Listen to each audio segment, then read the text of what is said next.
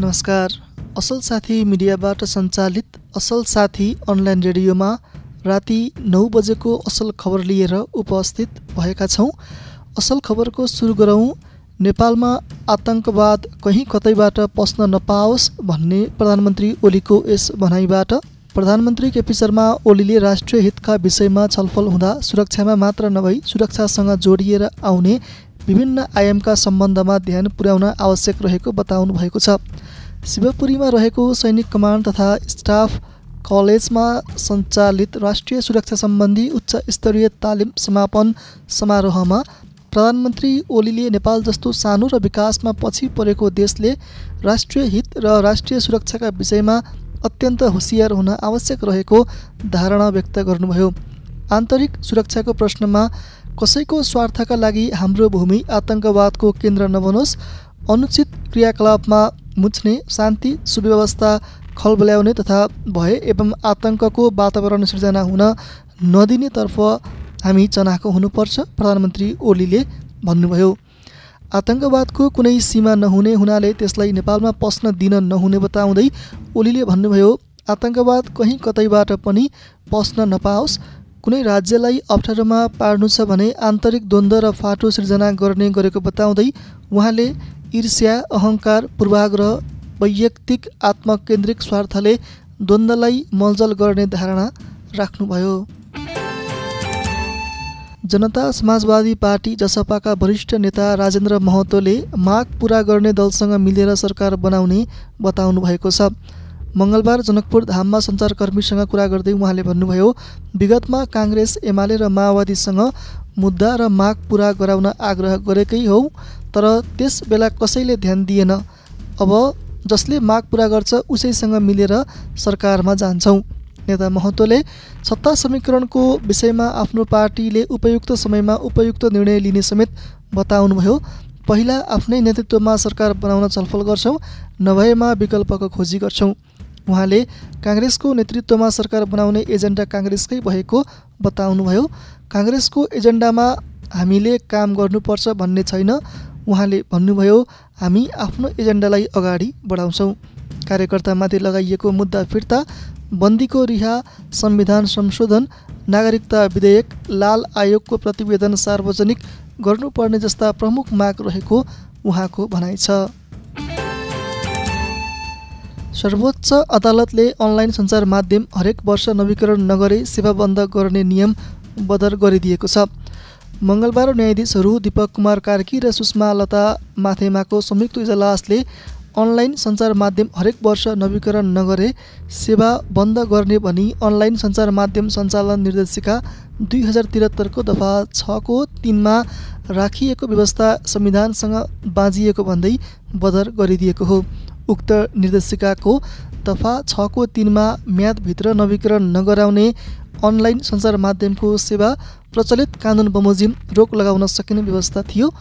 अधिवक्ता तथा पत्रकार लीलानाथ घिमिरे र विष्णुकुमार गिरी निश्चलले उक्त व्यवस्था नेपालको संविधान दुई हजार बहत्तरको धारा उन्नाइसको सञ्चारको हक विपरीत भएको भनी सर्वोच्चमा रिट दायर गरेका थिए। उक्त रिटमा सुनवाई गर्दै सर्वोच्चले अनलाइन सञ्चार माध्यम सञ्चालन निर्देशिकामा रहेको अनलाइन नवीकरण नगरे सेवा रोक लगाउने व्यवस्था संविधानसँग बाजिएकाले बदर हुने ठहर गरेको हो। सर्वोच्चको आदेशपछि अब अनलाइन सञ्चार माध्यम नवीकरण गर्नु नपर्ने अधिवक्ता घिमिरेले बताउनुभयो।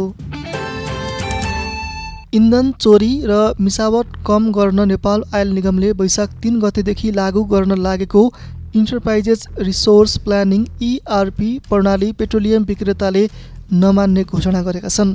देशभरका पेट्रोल पम्प सञ्चालकहरूको छाता सङ्गठन नेपाल पेट्रोलियम डिलर्स एसोसिएसनले मङ्गलबार एक विज्ञप्ति जारी गर्दै तयारी र परामर्श बिनै निगमले नयाँ प्रणाली ल्याएको भन्दै उक्त प्रणाली नमान्ने निर्णय गरेको जनाइएको हो। निगमले नयाँ प्रणाली वैशाख तिन गतेबाट कार्यान्वयनमा ल्याउँदैछ। इआरपी कार्यान्वयन गर्न निगमले विक्रेता नियमावली संशोधन लगायतका समस्याहरू समाधान नगरेको एसोसिएसनसँग यसअघि भएको समझदारी कार्यान्वयन नगरेको र सरकार पक्षलाई आर्थिक प्राविधिक जानकारी समेत नदिइएको आरोप लगाइएको छ। राज्यभरका विक्रेताले हाललाई पुरानै सफ्टवेयरबाट खरिद र रकम भुक्तानीको कारोबार गर्ने निर्णय गरेका छौँ। माथि उल्लेखित समस्या समाधान गरेपछि मात्रै नयाँ प्रणाली प्रयोगमा ल्याउन सकिने जानकारी गराउन चाहन्छौँ एसोसिएसनको निर्णयमा भनिएको छ। दुई हजार सतहत्तर सालमा एक वर्षमा विभिन्न विपदजन्य घटनामा परि पाँच सय बयानब्बेजनाको ज्यान गएको छ। त्यस्तै एक सय एकजना हराएका छन्। गएको वैशाख एक गतेदेखि चैत एकतिस अर्थात् आजसम्ममा भएका एकचालिस सय सन्ताउन्नवटा विपदजन्य घटनामा पाँच सय बयानब्बेजनाको ज्यान जानुका साथै एघार सय सडसठीजना घाइते भएका राष्ट्रिय विपद जोखिम न्यूनीकरण तथा व्यवस्थापन प्राधिकरणले जनाएको छ। गएको वर्ष सबैभन्दा धेरै पहिरोका कारण तिन सय एकजनाको ज्यान गएको छ भने चौसठीजना हराइरहेका छन्। यस्तै आग लागिमा परि सन्तानब्बेजना चट्याङ लागेर सत्तरीजना सर्पको टोकाइबाट एक्काइसजना र विभिन्न जनावरले आक्रमण गर्दा सैँतिसजनाको ज्यान गएको छ। यस्तै बाढीमा परेर बयालिसजनाले ज्यान गुमाएका छन् भने सैँतिसजना हराइरहेका छन्। एक वर्षको अवधिमा अविरल वर्षाले पन्ध्रजना हावाहुरीले आठजना र हिमपातले एकजनाको ज्यान लिएको प्राधिकरणले जनाएको छ। विपदजन्य घटनामा परेर चौतिस सय एकवटा घरपालुवा पशु चौपाय मरेका छन्। सबै घटनामा गरी दुई अर्ब एक करोड तिरानब्बे लाख रुपियाँभन्दा धेरैको क्षति भएको छ। पछिल्लो चौबिस घन्टामा नेपालभर पिसिआर परीक्षणबाट चार सय साठीजनामा कोरोना भाइरसको सङ्क्रमण पुष्टि भएको छ। त्रिचालिस सय छ्यासीजनाको पिसिआर परीक्षण गर्दा चार सय साठीजना र आठ सय सत्रजनाको एन्टिजेन परीक्षण गर्दा सन्ताउन्नजना गरी कुल पाँच सय सत्रजनामा कोरोना पुष्टि भएको स्वास्थ्य तथा जनसङ्ख्या मन्त्रालयले जनाएको छ। यो सँगै नेपालमा कोरोना सङ्क्रमण पुष्टि हुनेको सङ्ख्या दुई लाख अस्सी हजार नौ सय चौरासी पुगेको छ। यस्तै पछिल्लो चौबिस घन्टामा एक सय त्रिपन्नजना निको भएसँगै कोरोना सङ्क्रमण मुक्त हुनेको सङ्ख्या दुई लाख चौरात्तर हजार तिन सय अठार पुगेको स्वास्थ्य मन्त्रालयले जनाएको छ। थप पाँचजनाको ज्यान गएसँगै नेपालमा अहिलेसम्म कोरोना सङ्क्रमणबाट तिन हजार अन्ठाउन्नजनाले ज्यान गुमाएका छन्। अहिले नेपालमा छत्तिस सय आठजना सक्रिय सङ्क्रमित छन्। सक्रिय सङ्क्रमित मध्ये तेत्तिसजना आइसियु र तेह्रजना भेन्टिलेटरमा उपचार गराइरहेका मन्त्रालयले जनाएको छ। यस्तै स्वास्थ्य तथा जनसङ्ख्या मन्त्रालयले कोरोना सङ्क्रमणको जोखिम बढ्दै गएपछि काठमाडौँ उपत्यकासहित ठुला सहरका विद्यालय कम्तीमा एक महिनाका लागि बन्द गर्न सिफारिस गरेको छ। मङ्गलबार मन्त्रालयमा पत्रकारहरूसँगको कुराकानीमा स्वास्थ्य तथा जनसङ्ख्या मन्त्री हृदय त्रिपाठीले कम्तीमा तिस दिन उपत्यकासहित ठुला सहरका विद्यालय बन्द गरी पठन पाठन अनलाइन मार्फत गराउन सिफारिस गरिएको बताउनुभयो। मन्त्री त्रिपाठीले अहिलेको नयाँ भाइरस भेरिएन्ट युवा र बालबालिकामा पनि देखिएकाले डर लाग्दो रहेको बताउनुभयो। अहिले बनेका खोप अठार वर्षभन्दा माथिका लागि मात्रै बनेको छ। बालबालिकालाई जोगाउन चुनौती थपिएको छ। यही भएर काठमाडौँ उपत्यकासहित ठुला सहरी क्षेत्रका विद्यालय बन्द गर्दै अनलाइन माध्यममा जाने भनेर सिफारिस गरिएको हो उहाँले भन्नुभयो। अनलाइन कक्षा सञ्चालन गर्दा सात आठ लाख विद्यार्थी घरमै रहेर पढ्ने र त्यसले बिस प्रतिशत आवत जावतमा कमी ल्याउने देखिएको मन्त्री त्रिपाठीले बताउनुभयो। उहाँका अनुसार विद्यालय बन्द गर्ने विषयमा मन्त्री परिषद बैठकले निर्णय गर्न बाँकी रहेको छ। पर्यटकीय सहर पोखरामा अर्को नयाँ बन्जी थपिएको छ।